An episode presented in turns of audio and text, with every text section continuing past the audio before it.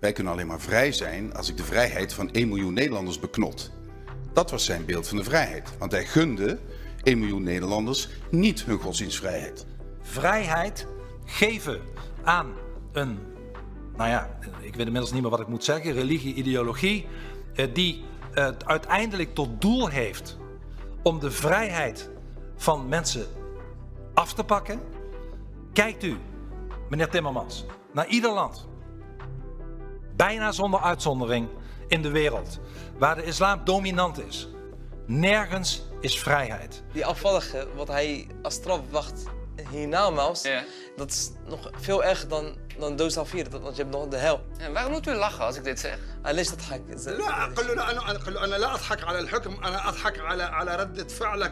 hij zegt, hij lacht niet om de uitspraak, hij lacht om jouw reactie, hoe je erop reageert. Ja, ik vind het afschuwelijk. Ah, Alle kullen. Ja, kan. jouw mening.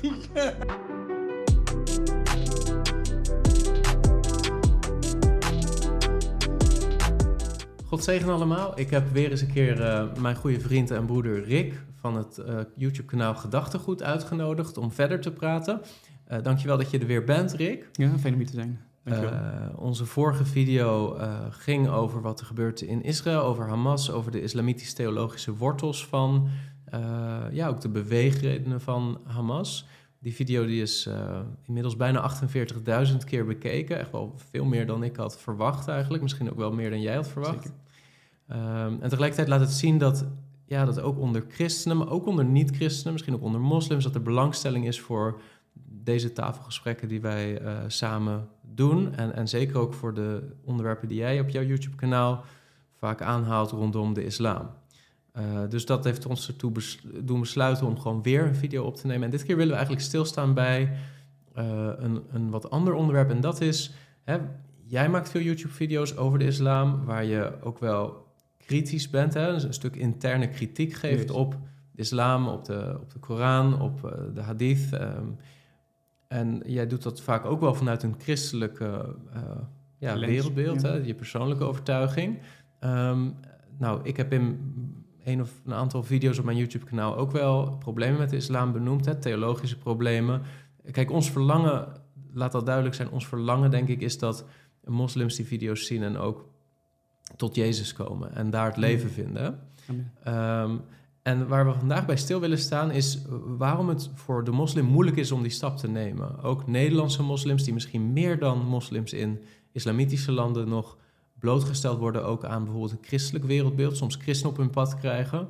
Ehm, ja, die toch grote drempels zullen ervaren om Jezus te gaan volgen in de praktijk. Zelfs al zouden wij hen kunnen helpen om te zien dat er problemen zijn, ook qua nou ja, consistentie met de Koran, de voorgaande openbaringen, hè, de, de spanning eh, tussen de openbaring van Mohammed en eh, het evangelie van Jezus Christus. Dat kunnen we allemaal laten zien, maar er komt een punt dat, ja, dat de moslim ook de beslissing zal moeten nemen. Eh, en we geloven dat het gebeurt door de kracht van de Heilige Geest en door wedergeboorte en door al die dingen meer. Maar toch neemt dat niks weg van de realiteit dat de moslim een beslissing zal moeten nemen, zoals wij allen, om Jezus te volgen. En dat kan voor moslims moeilijk zijn. Hè? Ja. En het leek ons goed om daar eens op in te zoomen en ook onze moslimvrienden daarmee ook uit te dagen, maar ook wel ja, te laten zien van hé, hey, we begrijpen dat het moeilijk is en tegelijkertijd is dat precies ook wat de Bijbel zegt dat het zal zijn. Amen. Ja. Eh, dus eh, daar willen we wat bij stilstaan. En misschien heb jij daar ook wat dingen in op je hart gekregen om te bespreken vandaag. Ja, zeker.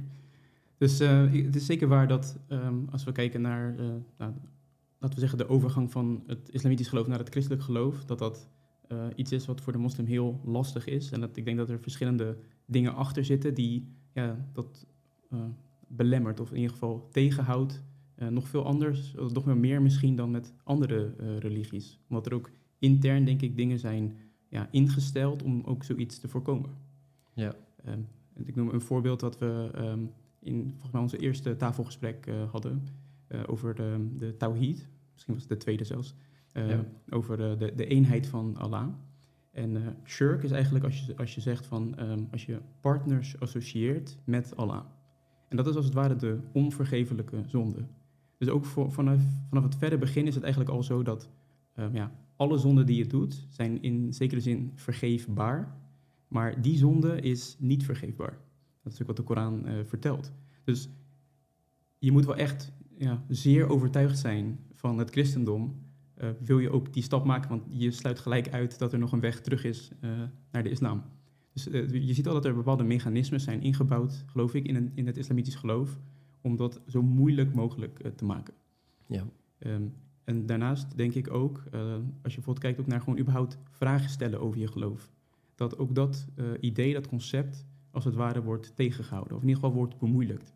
En dat je ziet dat je dat eigenlijk in een soort gecontroleerde manier eh, alleen zou mogen plaatsvinden. Dus op universiteiten en in, in, met academici die daar onderling over nadenken. Eigenlijk op dat niveau eh, worden die vragen gesteld.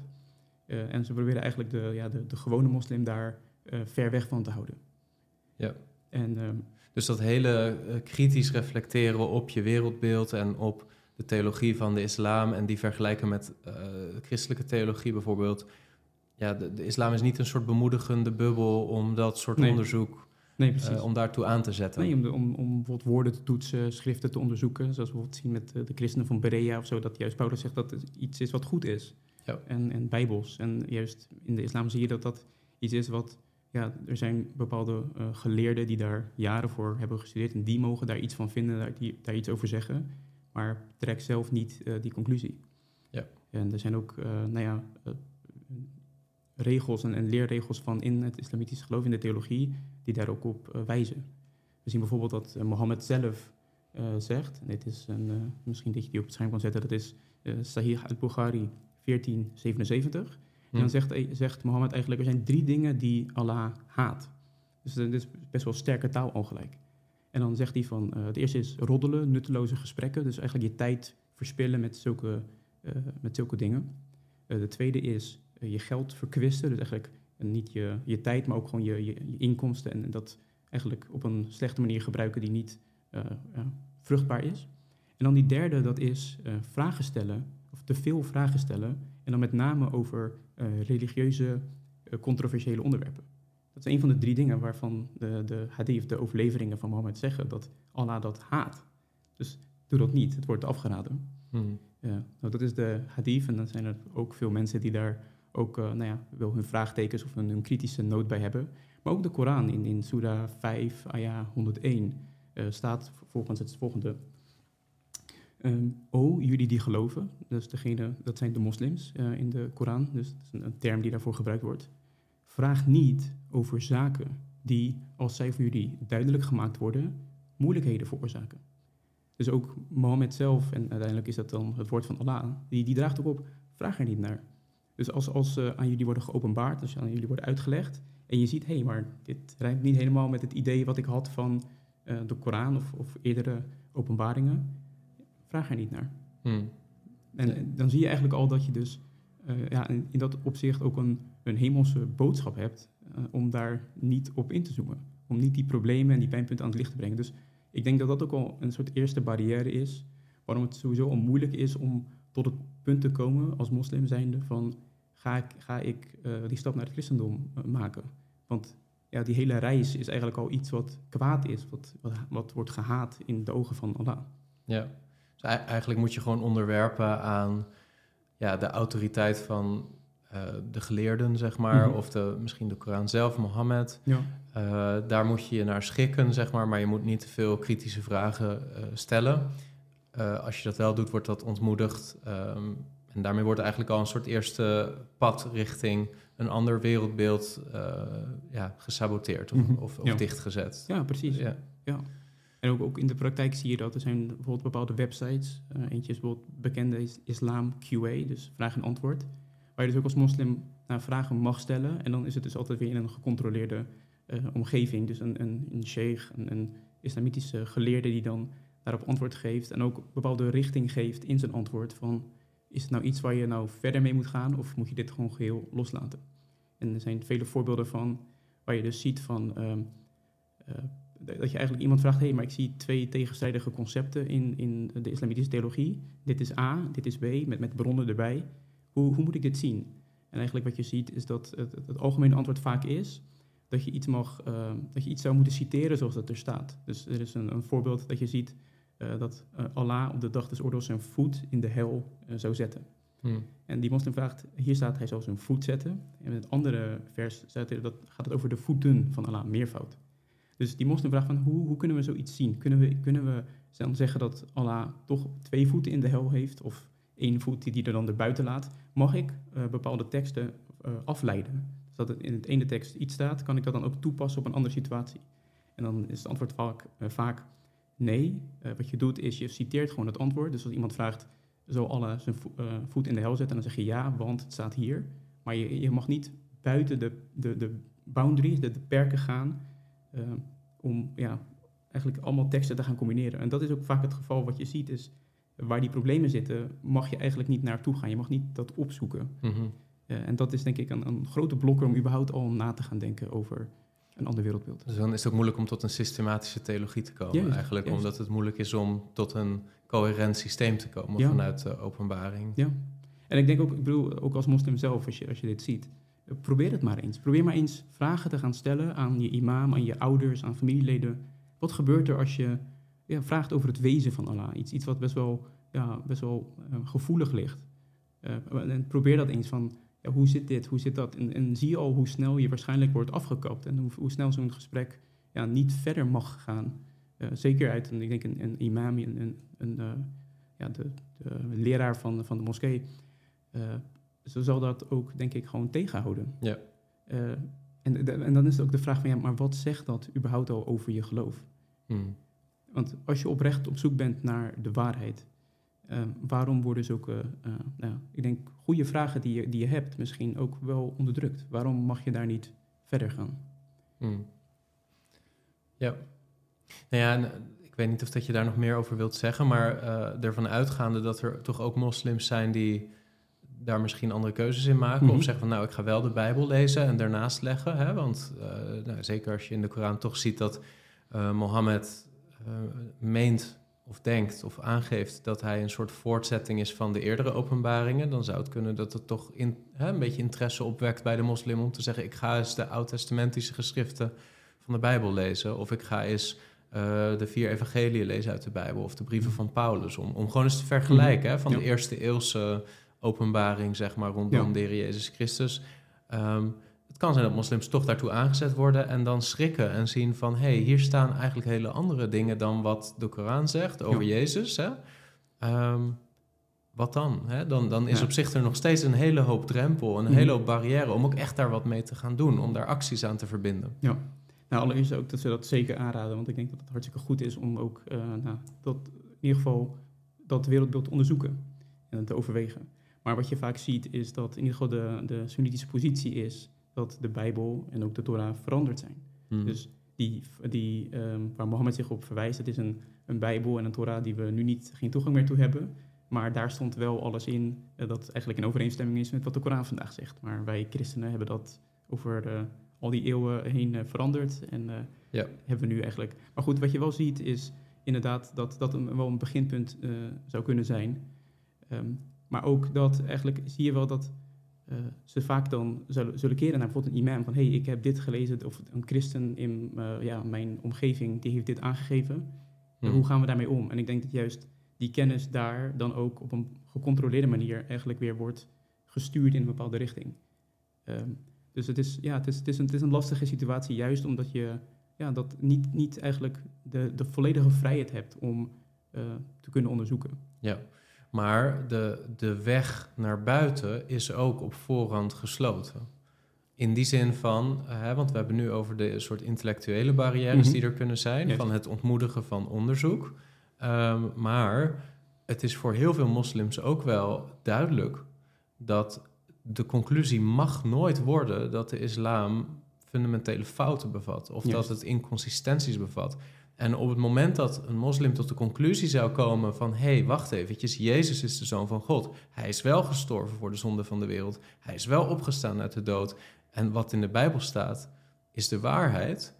Dan zou de moslim op het moment dat hij daar acties aan verbindt... van tevoren weten dat dat grote consequenties heeft in de islam, toch? Ja, Want Zeker. Dus, dus zowel theologisch inderdaad, maar ook eh, nou, misschien meer sociaal aspect. Dat daar ja, of aan- psychologisch. Zeker, ja. Dus er zitten meerdere aspecten aan eh, waarvan, je eigenlijk, waarvan ik geloof in ieder geval dat dat eigenlijk al vanaf het verre begin eh, op die manier ingebouwd is. Ja. Ehm, Maar, maar voor, voor ons Nederlanders, Rick, is het vrij... Kijk, in onze naïviteit en het idee dat heel de wereld een beetje zo denkt zoals wij Nederlanders... Ja. Wij zouden kunnen denken in onze samenleving van ja, als een moslim ergens waar ook ter wereld tot het inzicht komt van, oh ja, dit klopt eigenlijk niet. Eh, ik, ik zie dit toch anders. Ja, dan ga ik daar een boek kopen over het christelijk geloof. Of ik ga een Bijbel lezen. Of ik ga preken luisteren van John MacArthur. En als dat mij overtuigt op een gegeven moment dat deze positie van het christendom beter is. Ah ja, dan ga ik gewoon die, die stap maken. Ja. Eh, dat is natuurlijk vrij naïef geredeneerd. Ja. Omdat in het grootste deel van de wereld waar de islam zeg maar actief is, eh, kan je dat niet zomaar doen. Hè? Dus. En zelfs in En Nederland zelfs- denk ik dat heel veel moslims dat helemaal niet kunnen doen. Want wat zouden de consequenties daarvan zijn? Wa- Wat je ziet eigenlijk, zou je die vraag inderdaad terecht, wat je ook aangeeft, eh, moeten delen. Laten we zeggen in het soort westers, eh, eh, westerse islam en de, de, de islam die wordt gepraktiseerd in moslim-meerderheidslanden. Die, die kent toch wel twee, twee kanten eigenlijk. Mhm. Als we beginnen met het, het is de islam die wij kennen, dus ook hier in Nederland, is het westerse islam. ehm, zie je dat bijvoorbeeld, we hebben in Nederland geen sharia, dus is, islamitisch recht. Dus daar, daar zijn verschillen in. Maar wat je wel ziet is dat er een bepaalde sociale druk achter zit en ook een bepaalde sociale werking daarin zit eh, binnen gezinnen, eh, die ook als het ware dat reguleren. Dus er is een soort van controle van, eh, ja, hoe doet, uiteindelijk ga je ook vaak, zie je in ieder geval in, in de kenniskring die die ik heb, zie je dat mensen met z'n allen bidden. Dus ze staan met z'n allen in de ochtend op. En dan zie je al dat er een bepaalde controle zit van ja, als jij niet uit je bed komt, dan weten ze ook dat jij niet daarmee bezig bent. Dus Mhm. Op die manier wordt in, in gezinnen al bepaalde dingen gereguleerd. Je bent met z'n allen vrijdag in de moskee. Als je er niet bent, dan worden er ook gewoon vragen gesteld. Ik, doe dat, ik heb ook de voorbeelden daarvan in mijn eigen eh, kenniskring van... Ja, dat je, dat je hé, hey, waar, wat was er? Dat, dat je echt wel tot, tot verantwoording wordt geroepen eh, als je een keer iets mist. Ja. Ehm, dus ook zelfs op dat niveau. Maar vooral, ik denk, eh, een hele goede ehm, is ehm, een programma van Thijs van der Brink. die ja, ook, ook een soort van ja, soortgelijke vragen, misschien wat, wat eh, ja, een andere insteek had. eh, tijdens een programma dat heette, eh, dat heet Thijs en de Ramadan. Dat is voor mij van een aantal jaar geleden. Mhm. Waarin hij dus ook zulke vragen stelde van hey, hoe, hoe zit het nou met, met de islam en nou, in ieder geval het culturele aspect en, en ook het, het religieuze aspect. En daarin ging hij dus met verschillende, dus, zowel Nederlandse niet-moslims als met moslims zelf, dus Nederland, moslims in Nederland, van eh, eigenlijk vraag en antwoord. hey, dit is wat, wat deze Nederlandse, toen is een panel volgens mij aan vragen heeft. En eh, ja, hoe, hoe zien jullie dit vanuit, eh, vanuit die hoek? En daarbij gebruikten ze ook eh, wel eens een gesprek met moslims, maar ook met ex-moslims. En het een heel interessante eh, passage uit eh, die aflevering, die misschien goed is om even erbij te pakken, omdat het denk ik heel typerend is voor eh, de islam in, in Nederland. Mhm.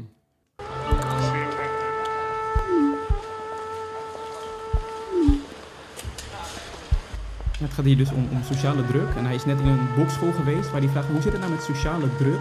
Eh, wat betreft jullie, eh, ja, jullie opvatting. Ehm, ja, kan je zomaar de islam verlaten? Eh, Mhm. word je gecontroleerd door elkaar? En zij zeggen: nee, natuurlijk niet. Je bent, je bent vrij. De islam is vrijheid Mhm. eh, en, en vrede. En eh, ja, je mag, geen- tuurlijk mag je anders Rashid denken. heeft een ander verhaal dan dat van de jongens in de bokschool. Eind jaren 90 komt hij als vluchteling naar ons land. Eenmaal hier begint hij te twijfelen aan zijn geloof in Allah. Na een lang proces besluit hij de islam vaarwel te zeggen. Maar dan begint voor hem een leidersweg die tot op de dag van vandaag voortduurt. Rashid, niet zijn echte naam, wil dan ook niet herkenbaar in beeld. Ja, de, binnen islam is gewoon iemand die van, van zijn geloof afhaakt en, en eh, weggaat. is echt, echt niet acceptabel. Het is zo angstig. Ook voor moslims die hier in Nederland leven. Ja, ook, ook, weet ik zeker. Want wat gebeurt er dan? Stel, stel je doet dat. Ja, je, je, je- je leven gaat bijna kapot. Je, je, je wordt van alle kanten heel anders gekeken. En, en, en, en, ja, jij bent gewoon echt... Het, alsof je gewoon echt dood bent. Bent u vrienden kwijtgeraakt? Ja, ja, ja. ja eh, eh, mijn eigen vrienden gewoon. Ik heb ik echt... echt eh, Want hoe, maar hoe ging dat? Zeiden die dan gewoon, als je niet meer gelooft, dan ben je mijn vriend niet meer? nee, dan is het klaar. Echt ja? Ja, ja. Hoeft er niet lang over na te denken. Ja, ja, aantal- ah, ik- ik zeg het niet van, van die eh 100% vrienden die ik had, eh 90 ben ik kwijt. Echt zoveel? Ja, Want u werkt in de buurt van Amsterdam. ja, Eh, u had collega's die ook moslims zijn. ja. Hoe reageerden die toen ze het doorkregen? Als ik ergens zit, dan eh, gaan ze gewoon, komen ze binnen. En als ik daar zit, dan gaan ze weg. Hm, Ze negeren u. Ze negeren me heel erg, ja. En ook heel bewust, dus niet toevallig. Nee, nee, dat is echt, echt, dat weet ik zeker. Maar als ze voor het werk iets tegen u moeten zeggen, doen ze dat wel? Eh, ja, doen ze dat. Maar mensen die echt, ik zeg het gewoon, die, die gelovig zijn, dan eh, proberen oogcontact te vermijden. Probeer het niet met u... Niet, niet met mij, geen oogcontact te krijgen. Eh, omdat ik eh, weet dat ze zeggen gewoon, als je met een afvallige eh, in contact komt en je eh, kijkt in, in, in zijn ogen, dat kan ook eh besmetgevaar eh, brengen of besmettelijk is. Oké, dus dat ik u nu aankijk, dat is al niet goed. Dat is niet goed, ja.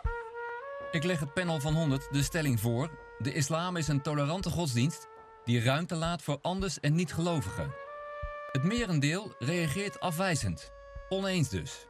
Ik ben mee eens met die, met die meerderheid. Eh, omdat je ziet in, in, in de praktijk gewoon, islam geeft geen ruimte voor, voor andere eh, geloven. Omdat eh, dat, dat komt door die superioriteit van, van gedachtegoed van islam. En ik, ik, ik realiseer me heel goed dat het gewoon bi- binnen, binnen nu in, in 10, 20 jaar...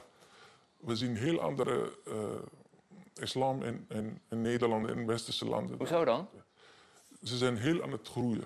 Ik weet het, u, u- u- ja, in Nederland heel veel naïeve mensen denken dat het, dat het gewoon, dat kan niet, nooit Ja, gebeuren. maar ik denk dan ook, er is nu 6, 7 procent moslims. Dat gaat voorlopig niet gebeuren. Ja, maar, maar, maar dat denkt u nu. Ja, u zegt dat ik naïef ben. Als ik denk dat het wel mee. Ik, ik denk het wel. Ik denk het wel. Nogmaals, ik denk dat heel veel moslims in Nederland absoluut geen kwaad in de zin hebben. Ja. Dat is het einde van de video, Ja. ja. Ja. Reactie? Nou ja, goed, kijk, ik, ik, denk dat het, eh, dat het iets is wat wij wel weten, zeg maar, en ook wel menen te zien. Hè? Dus, eh, en deze ex-moslim geeft aan dat in de praktijk dat, dat, eh, dat die ruimte er niet is om de islam te verlaten. Maar in theorie is die er ook niet. Hè? Want ook gewoon als je de Koran bestudeert, eh, ja, het is niet bepaald uitnodigend om de Koran te verlaten. Maar ik wilde wel iets tegenover zetten. En dat is wat Jezus zegt in de Bijbel. Hè? Gewoon als een soort eerste reactie. Jezus zegt in Matthäus 10, vers 34: Denk niet dat ik gekomen ben om vrede te brengen op de aarde. Ik ben niet gekomen om vrede te brengen, maar het zwaard. Want ik ben gekomen om tweedracht te brengen tussen een man en zijn vader, en tussen een dochter en haar moeder, en tussen een schoondochter en haar schoonmoeder, en iemands huisgenoten zullen zijn vijanden zijn. Wie vader of moeder lief heeft boven mij is mij niet waard. En wie zijn zoon of dochter lief heeft boven mij is mij niet waard. En wie zijn kruis niet op zich neemt en mij navolgt, is mij niet waard. Wie zijn leven vindt, zal het verliezen. En wie zijn leven verliest omwille van mij, zal het vinden.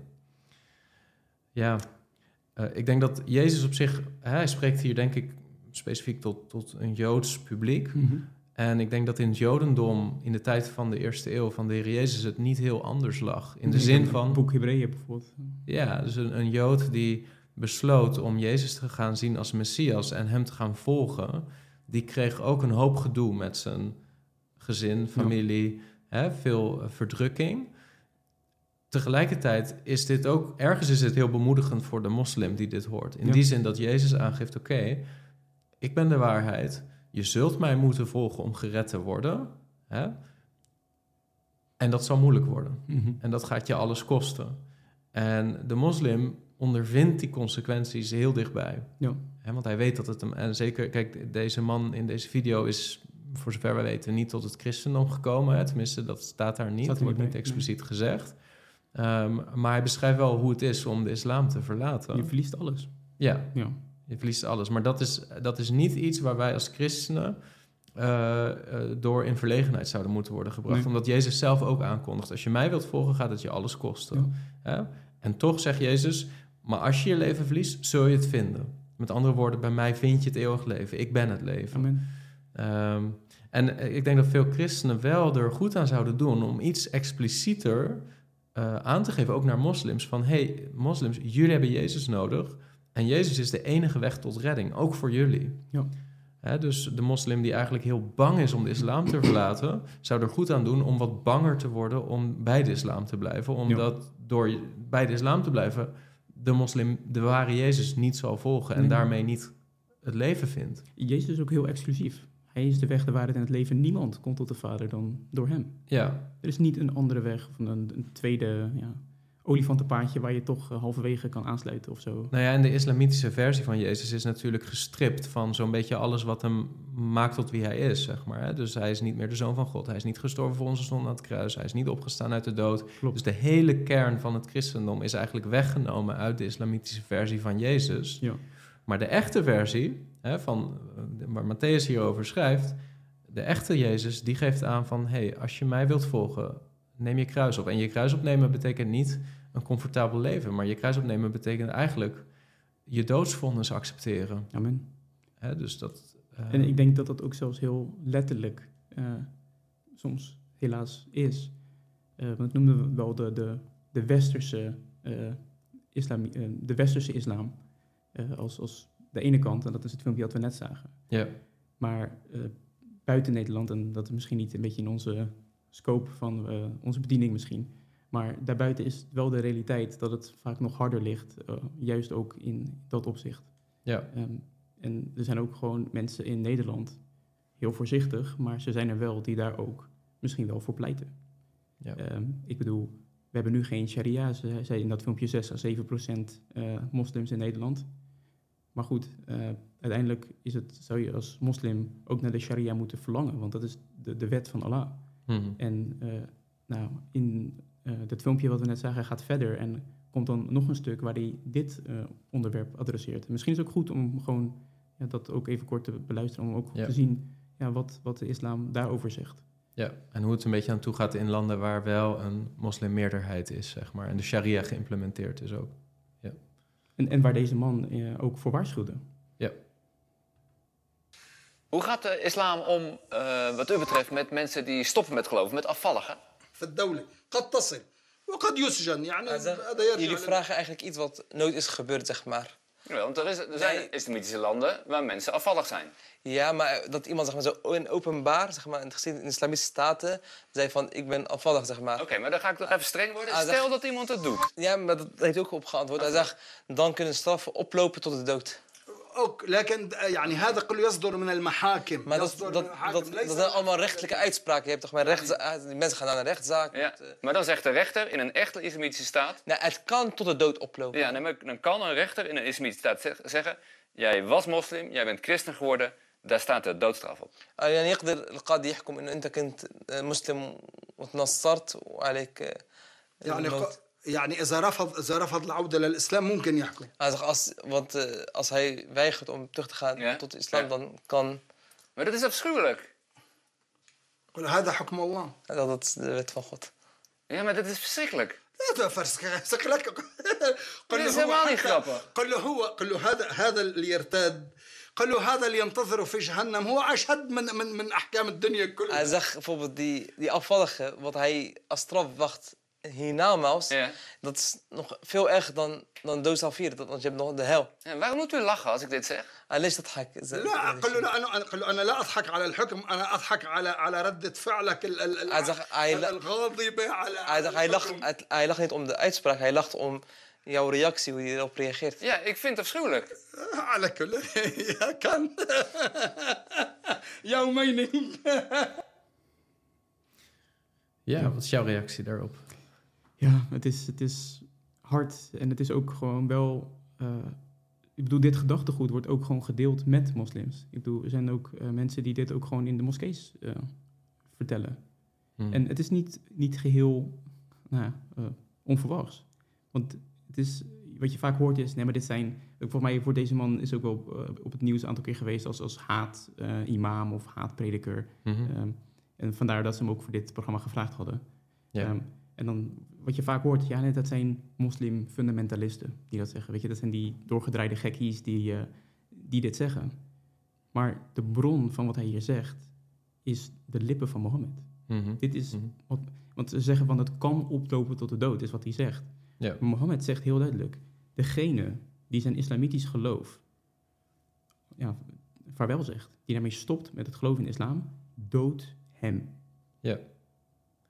En dat staat in alle eh ehm, zesde um, cita, dat zijn de, zeg maar, de zes authentieke werken volgens de Soenitische islam. in ieder werk staat in ieder geval die hadith eh, opgetekend. Het is, het is een hele authentieke overlevering. Dit is wat Mohammed leerde. Mm. En er zijn vele voorbeelden van, van Mohammeds volgelingen die dat ook uitoefenden. Dus ja, dit, dit is wel ook, voornamelijk praten we dan over eh, nou, het islam buiten Nederland. In, maar dit is wel een realiteit. Eh, en omdat ze dat in het, in het Nederlands systeem niet kunnen praktiseren op deze manier, ehm, zie je wel dat er wel een, die proberen om in ieder geval op een eh, zo meest- ja, zo'n ja, streng mogelijk manier wel op te treden binnen de, de perken die wel mogelijk zijn. Dus Mm. eh, onterven zie je wat heel vaak gebeurt. Eh, nou, in ieder geval, je wordt uit de, de gemeenschap gegooid. Familie, je mag niet meer over de vloer komen. Dus je ziet wel echt ehm, een, een, een grote mate van uitsluiting. Mm. En je ziet zelfs wat die, wat die man ook in dat eerdere filmpje vertelde. Van ja, als je in zijn ogen kijkt is het besmettelijk. Maar dat is ook weer datzelfde idee van eh, controle hebben daarover. Mm. En ook weer ja, zorgen dat mensen echt geen contact meer gaan hebben. Dus, ehm, maar goed, je, je leest net ook Matthäus 10. En ja, eh, Jezus is hier wel heel duidelijk over. Jezus zegt eh, een paar versen voor de versen die ik heb gelezen, Matthäus 10, vers 32. Ieder dan die mij beleiden zal voor de mensen, die zal ik ook beleiden voor mijn Vader die in de hemelen is.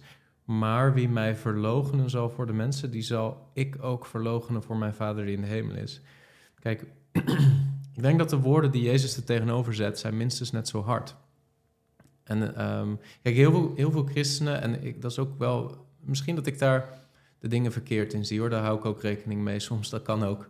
Maar ik denk dat heel veel christenen hebben ergens de, het idee van, ja, als wij gewoon zachtmoedigheid laten zien en, en liefde en eh, barmhartigheid en, en op die manier iets van de liefde van God laten zien aan moslims, ja, dan zal dat hen raken en dan zal dat hen misschien op een gegeven moment helpen om toch die stap te zetten om Jezus te volgen. En ik zeg niet dat dat niet waar is, ik denk dat daar heel veel waarheid in zit, Mhm. hè, van het, het modelleren van het christelijk leven en de vrucht van de geest.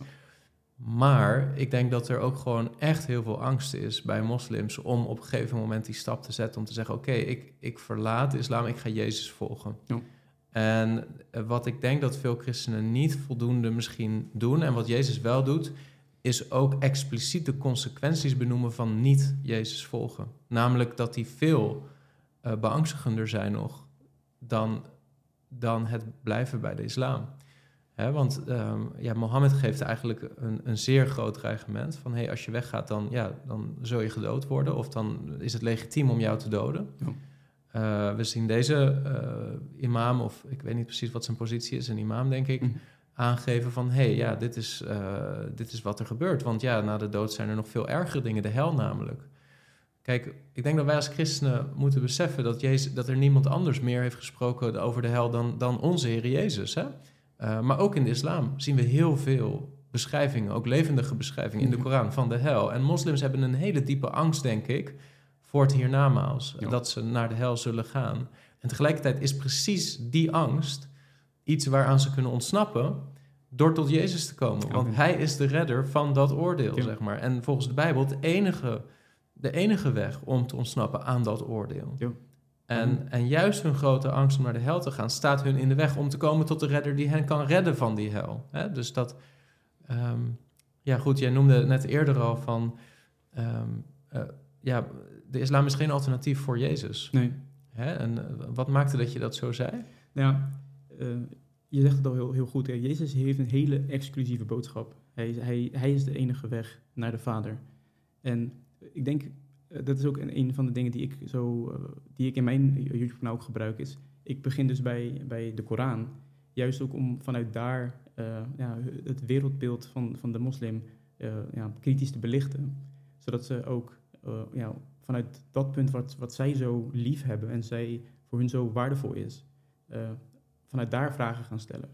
En eh, ik denk, het, nou, misschien is mooi niet het goede woord, maar ehm, Jezus is de weg, maar Mohammed is zeker niet het alternatief. En ik denk dat de Koran en, en de islamitische bronnen daar ook veelvuldig over spreken. Ehm, Mohammed, allereerst, is, is, eh, zegt de Koran bijvoorbeeld in, in Surah eh 46, ayah 9, dat hij zegt, eh, zeg, ik ben geen nieuwe boodschapper, nog weet ik wat er met mij of met jullie zal gebeuren. Dus allereerst heeft Mohammed geen kennis wat er in de toekomst gebeuren gaat. Hij heeft ook geen kennis van zijn eigen redding of niet. Je ziet ook meermaals dat Mohammed afvraagt, ja, ik weet niet wat er met mij gebeurt in het hiernamaals. ik weet niet of ik naar de hel ga of naar de hemel. Dat is kennis die Mohammed niet bezit, maar dat is wel iets waar hij wel zelf over nadenkt. Mm. Dus het is niet voor hem een gegeven. Ik denk zo mooi als, als bijvoorbeeld Jezus ook aan het kruis hangt, dan zegt hij ook tegen die, eh, die misdadiger aan het kruis, zegt hij van, heden zult u met mij in het paradijs. En Jezus wist waar hij naartoe ging, maar hij wist ook waar anderen naartoe gingen. Mm. Ehm, maar zo heb je wel vele, vele voorbeelden van, eh, van Mohammed, die eigenlijk ja, door de hele Koran heen zulke uitspraken doet die heel interessant zijn. Een andere in, in Surah 72, ah ja, 20 tot 25, zegt hij: Ik roep alleen mijn Heer aan en ik vereenzelvig niemand met hem. Het is niet in mijn macht om jullie enig kwaad te doen, noch om jullie tot het rechte pad te brengen. Mm. Woorden van Mohammed, niet van mij, niet van. Dit, zijn, dit is wat Mohammed zegt. Het is niet in mijn macht om jullie tot het rechte pad te brengen. Ik vertel gewoon, dat ik ben als het ware, en en met, met, met alle respect, hij is als het ware een soort postbode. Hij, hij pakt het pakketje van één, van punt A naar punt B, hij brengt het door. Maar zelf heeft hij niet een soort van geestelijke, ehm, eh, ja, ehm, geestelijke bediening in, in dat opzicht. Dat hij nog daar, eh, dat, hij, dat hij de weg is, of dat je, hij, moet, hij is als het ware één van de rest. Mm. En, en, en eigenlijk die, eh, hij is degene, dat- dat- het vers gaat ook verder. En dan, eh, mij is slechts de verkondiging van Allah's boodschap opgedragen. Dus hij is echt simpelweg een doorverteller. En ook in de, in, in de ahadith zie je dat meermaals terugkomen. Dat hij zegt, ja, ik weet niet wat er gebeurt na de dood.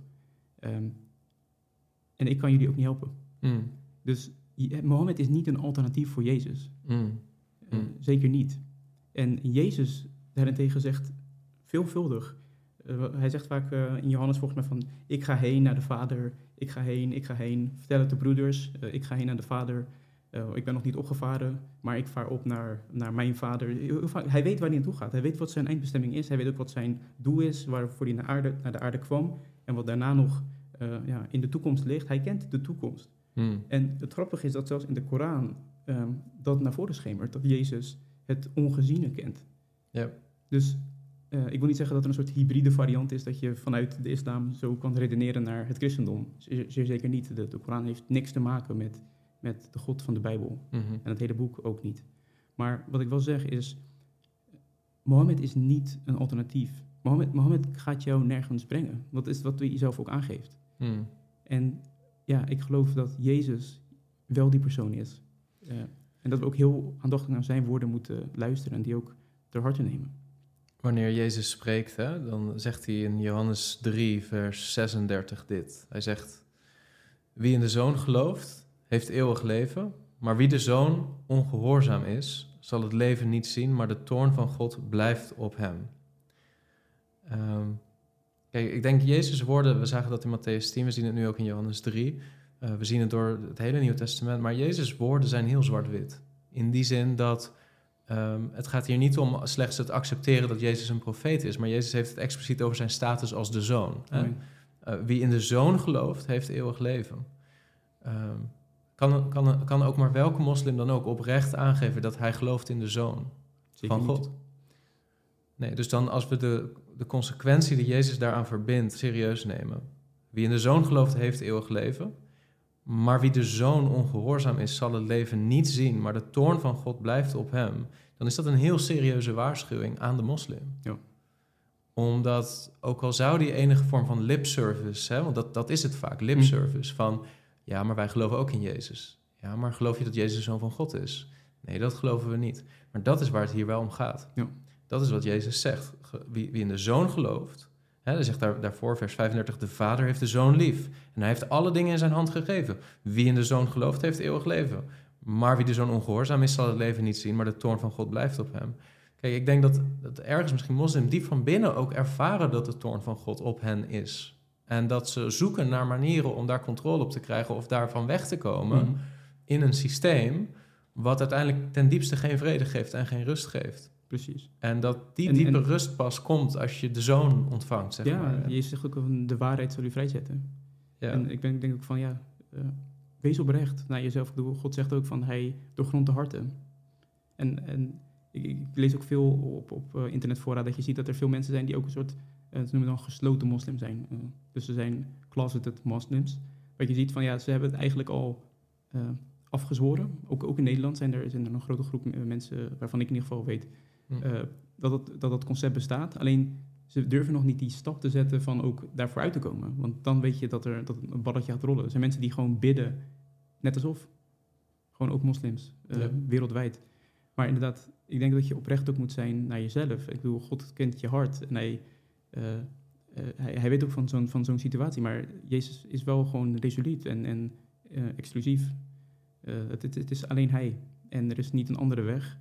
En ja, ik denk dat het belangrijk is om, om die waarheid achterna te gaan en eh, ja, ook die waarheid te onderzoeken. En, en dan zal de waarheid je ook vrijzetten.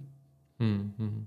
Ja, en intrinsiek in de islam ligt natuurlijk een ontkenning van Jezus zoon zijn. Hè? Ja. Eh, hij, hij heeft geen, geen, geen zonen, zeg maar. Hè? Eh, hij verwekt niet eh, en hij is zelf niet verwekt, zoiets. Mm. Eh, er zit ook intrinsiek in de islam een ontkenning van de kruisdood van de Heer Jezus Christus, daarmee ook het offer. Hè? Dus, dus eigenlijk de, de systemen van de islam versus het systeem van het christelijk geloof zijn in de kern eh, elkaar uitsluitend. Hè? In de kern tegenstrijdige Ja. systemen. Hoe- ook- en dat is, dat is natuurlijk ergens iets wat, wat, wat ik zelf ook ingewikkeld vind met moslims, is dat, ehm, dat, dat, dat ze dat ergens lijken te willen ontkennen. Ja. Hè, dus eh, heel veel, er, zijn, er zijn weinig moslims, ook moslims die wel theologisch geïnteresseerd zijn, ehm, die aangeven van, oh ja, dat is inderdaad zo, zeg maar. Er is een fundamentele tegenstrijdigheid tussen het christelijk geloof en de islam. Er zijn heel veel moslims die je tegenkomt, ook gewoon op straat, die aangeven van, ja, maar wij geloven ook in Jezus. Die heel erg de verbinding proberen Mhm. te zoeken, maar, maar of niet lijken door te hebben of niet willen erkennen dat, dat ik denk beide. die verbinding eigenlijk niet in de waarheid ligt, maar Mhm. in een soort façade. Mhm, Zeker. En ik denk ook van, eh, van het, het, het- als je begint met die uitspraak te doen, de, de, de Koran zegt dat Allah zijn woord zal beschermen. Hmm. Dus het, het kan niet veranderen. Het kan niet, eh, eh, en er zit ook, eh, de Koran zegt ook, er zullen geen tegenstrijdigheden, tegenstrijdigheden in dit woord zitten. Dus als je daar al over gaat nadenken of zegt van ja, nee, het klopt inderdaad dat Allah op de ene plek zegt dat hij eerst de aarde maakte en daarna pas de hemel. En op de andere plek zegt hij dat hij eerst de hemel maakte en dan pas de aarde. Hmm. De- Die staan erin. Maar je, mag, je, je moet daar ehm, ja, dan met geestelijke ogen naar kijken. Of, of daar, wat we al eerder zagen, van je moet niet die twee concepten naast elkaar leggen en eh, dingen daarvan afleiden. Ja. Maar, want als je dat doet, dan zeg je eigenlijk Allah bestaat niet. Of in ieder geval Allah is vals, is een valse God. En, en, en dat, dat, ja, je moet eigenlijk, je gaat in één keer overstag of niet. Er is niet een, een tussenweg waar je dus langzaam kan eh, ja, Mhm. afbouwen, als het ware. En dat Ja. is ook niet, dat- ik denk ook niet een goede manier. Het is, het- Jezus is gewoon ja, heel, heel direct en heel duidelijk. Maar er is niet een, een, ja, het is of alles of niets. En ik denk dat dat ook eh, ja, is wat Jezus zegt. Maar Wat, wat denk ik verder reikt dan puur eh, ons directe doel hè, als christenen, maar wat denk ik wel in Nederland, wat je ziet vandaag, en ook met de PVV en in de politiek en de ontwikkelingen, is dat, kijk, wat, wat denk ik de PVV terecht benadrukt, eh, los van hoe je er verder over denkt, over die partijen en over hun standpunt op allerlei terreinen, hè, maar wat zij wel terecht benadrukken is dat de islam in een samenleving, naarmate die groeit, eigenlijk een systeem van onvrijheid is. Dat uiteindelijk dus, ehm, en er was toevallig van de week ook nog weer een debat en een confrontatie tussen Frans Timmermans en Geert Wilders, hè, waarbij Hmm. Frans Timmermans eigenlijk de positie inneemt vanuit de PvdA GroenLinks. eh, van eh, meneer Wilders, u probeert eh 1 miljoen, of ik weet niet hoeveel die, Mhm. eh, hoe groot het getal inmiddels is, maar hij doelt op de moslims. Ja. Hè? Dan zegt Frans Timmermans, u probeert voor, voor honderden duizenden Nederlanders eh, het- hun te beroven van hun vrijheden. eh, door hen weg te zetten op een bepaalde manier. En, Wij kunnen alleen maar vrij zijn als ik de vrijheid van 1 miljoen Nederlanders beknot. Dat was zijn beeld van de vrijheid. Want hij gunde 1 miljoen Nederlanders niet hun godsdienstvrijheid.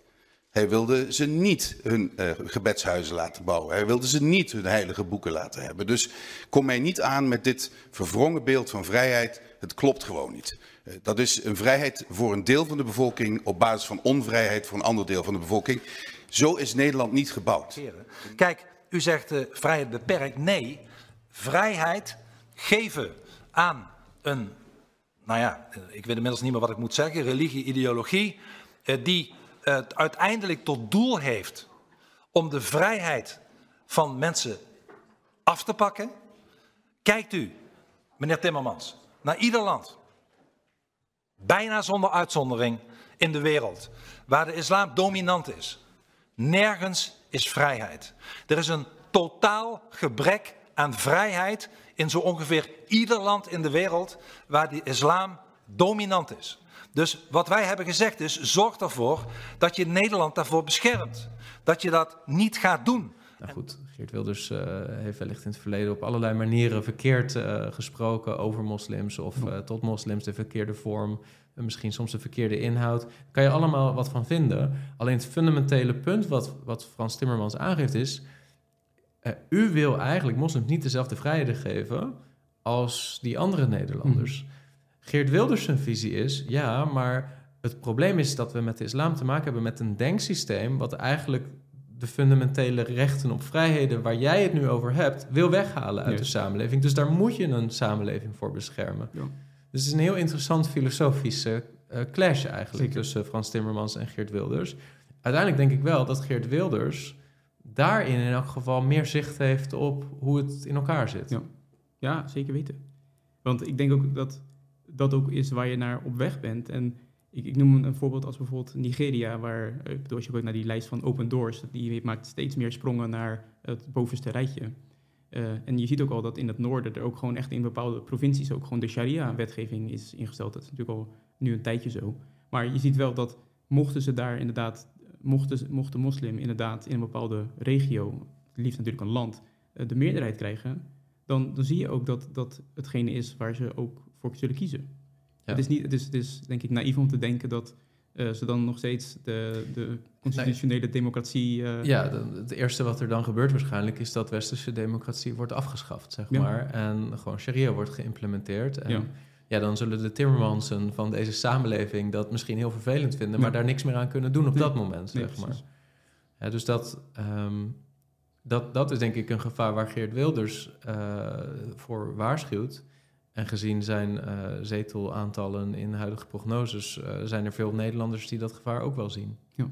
Hè, dus dat, uh, en het doet ergens geen recht aan de realiteit dat, um, ja, dat iemand als Timmermans zo op zo'n eenzijdige manier toch wel die, denk ik, terechte zorgpunten die Geert Wilders adresseert, wegzet alsof ja, hij alleen maar kwade bedoelingen heeft daarmee mm of zo. Dat, ik denk dat um, het zou in elk geval voor, ook voor de politiek, zou het beter zijn om gewoon reëel onder ogen te zien van, hé, hey, wat is nou de islam eigenlijk onder de motorkap? Wat is het voor een soort systeem? Juist.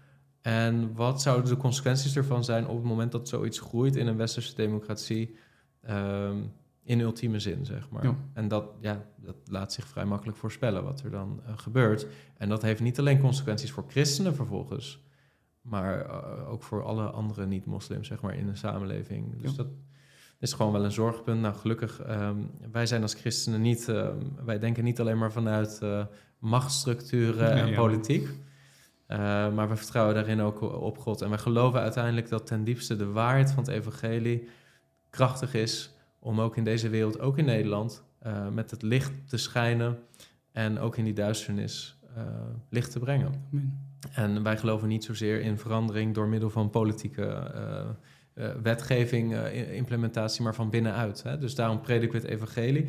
Maar herinneren we mensen ook wel aan die heldere woorden van Jezus. Van oké, als je mij wilt volgen, wees dan bereid om het kruis op te nemen. En ja, de dood te omarmen als dat nodig is. Ja. Hè? Want als je dat doet, dan zul je die rust in je hart hebben en die zekerheid dat je ook het eeuwig leven zult ontvangen. In Christus Jezus, in de Zoon. Ja. ja. Ja, want op dit moment is dat niet de weg die, die, je, die je als moslim bewandelt. En dat, en dat is wel een, een, realiteit die je onder ogen moet, moet zien. Ja. Want ja, dit is... Ja, Jezus heeft een hele exclusieve boodschap. En op dit moment is dit wel de realiteit. Je bent niet op de weg die leidt naar eeuwig leven. Nou ja, en de, kijk, de moslim heeft misschien het idee, en dat, dat kan een misverstand zijn, dat het christendom, net als de islam, eigenlijk gewoon een leefstijl onderwijst Hè, een, een vrome leefstijl, een leefstijl met allerlei religieuze handelingen, aalmoezen, gebeden. Mhm. Maar dat als je dat pad van die leefstijl maar bewandelt, dat je daarmee gered bent. Dat is een fundamentele eh, fout. Dat is niet, het christelijk geloof is niet een leefstijl of een moreel systeem. Het christelijk geloof is God die zijn zoon geeft als offer tot verzoening. En de mens die dat door genade aanneemt. Ja, dus niet En- goede mensen gaan naar de hemel. Of zo. Nee, het is niet een, van de leefstijl is de manier om gered te worden. Want dan zou de moslim kunnen denken van, nou ja, die christenen die leven op een bepaalde manier. Wij leven ook op een bepaalde manier. Zij zijn moreel, wij zijn moreel. Zij doen hun best, wij doen hun best. Dus op de dag des oordeels dan zal dat gewogen worden. En dan, ja, dan zal hun bestemming misschien vergelijkbaar zijn met die van ons. Hè? Of dan hebben we nog helemaal niet zoveel verschillen. Dat is een heel pragmatische visie op theologie. Maar dat is niet de boodschap van het christelijk geloof. Het christelijk geloof brengt wel een leefstijl met zich mee, maar als consequentie. En niet als voorwaarde Precies. of soort van middel. Juist. Dus wij geloven gered te zijn door Jezus alleen, door geloof alleen, door zijn offer alleen, door genade alleen, door het werk van de Heilige Geest alleen, niet uit onszelf, maar uit genade.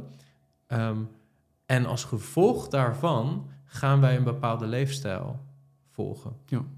Maar als gevolg. En in het islamitisch systeem worden eigenlijk die fundamentele zaken die wij zien als voorwaardelijk om gered te worden, ontkend. En wordt de leefstijl aan de voordeur gezet als: oké, zo moet je leven. En dan zul je misschien gered worden. Mhm. Er zitten echt fundamentele verschillen Ja. tussen het christelijk geloof en de islam, wat dat betreft, Ja. denk ik. En dan sta je dus ook aan het graf met, met onzekerheid Ja, als, als moslim. En daarom is ook die, die angst voor de dood ook zo, misschien nog zelfs veel groter. Eh, natuurlijk wordt het in de Koran keer op keer over gesproken van dit, dit is, eh, ja, het- je, hebt de grafische eh weergaves van hoe dat allemaal zou vergaan. Maar goed, je, je, als je uiteindelijk zelf ook daarvan verantwo- voor verantwoordelijk bent in, in, die, in dat opzicht, dat ja, eh, je, die, die jouw misstappen jou uiteindelijk ook die kant op kunnen, kunnen duwen, Hmm. ja, dan, dan heb je inderdaad gewoon een, een, een groot probleem. En is het ook misschien wel een- is het ook serieus dat je die angst hebt. Maar eh, ik denk dat juist eh, het christendom daarin eh, ja, to- toch die, die, die rust geeft die, die alle verstand boven gaat. Amen. Nou, ik denk dat we met die gedachten kunnen afsluiten. En, en ook gewoon ja, begrip van: hey, moslimvrienden, het is niet makkelijk. Jullie situatie is, is absoluut niet makkelijk. En misschien voor veel christenen in Nederland die tot geloof zijn gekomen in hun leven, was de stap minder beangstigend. In de zin van, hè, ja, er was vrijheid in Nederland, in het westers Nederland. En eh, misschien ben je niet opgegroeid met het christelijk geloof en op enig moment geconfronteerd met het eva- evangelie van Jezus. En ja, was het een makkelijke stap om te zetten? Voor de moslim is het geen makkelijke stap om te zetten. Hè, is, het, is het een stap Dus met in- grote in- consequenties? Inherent, inderdaad. Dus het- Ja. het kan zijn dat als je inderdaad vanuit zo'n wereldbeeld komt, dat je alsnog zondag nog gewoon bij je ouders op de koffie kan of zo. Ja, Maar ja, die deur gaat gelijk dicht eh, vanuit de. Dus voor de Ja. moslim is het altijd eh, lastig. Ja, dus we willen die erkenning geven aan onze moslimvrienden van hey, die stap is voor jullie een grote stap, is een, is een beangstigende stap, een stap met heel veel consequenties en tegelijkertijd de beste stap die je kunt zetten, Amen. omdat Jezus aan heeft gegeven, ehm, bij mij vind je het leven. Hè? En neem je kruis op en volg mij. En wie zijn leven verliest omwille van mij, die zal het vinden. Die zal zijn leven vinden. En, Amen. nou, dankjewel Rick dat je weer hier wilde zijn om hierover na te denken. Bedankt. En eh, ik hoop dat het eh, ook eh, onze moslimvrienden zal bemoedigen om in elk geval de Bijbel te lezen en daar zorgvuldig over na te denken. Als deze video nuttig voor jou, druk dan op like en wil je vaker dit soort apologetische video's kijken, abonneer dan op dit kanaal. Tot de volgende keer.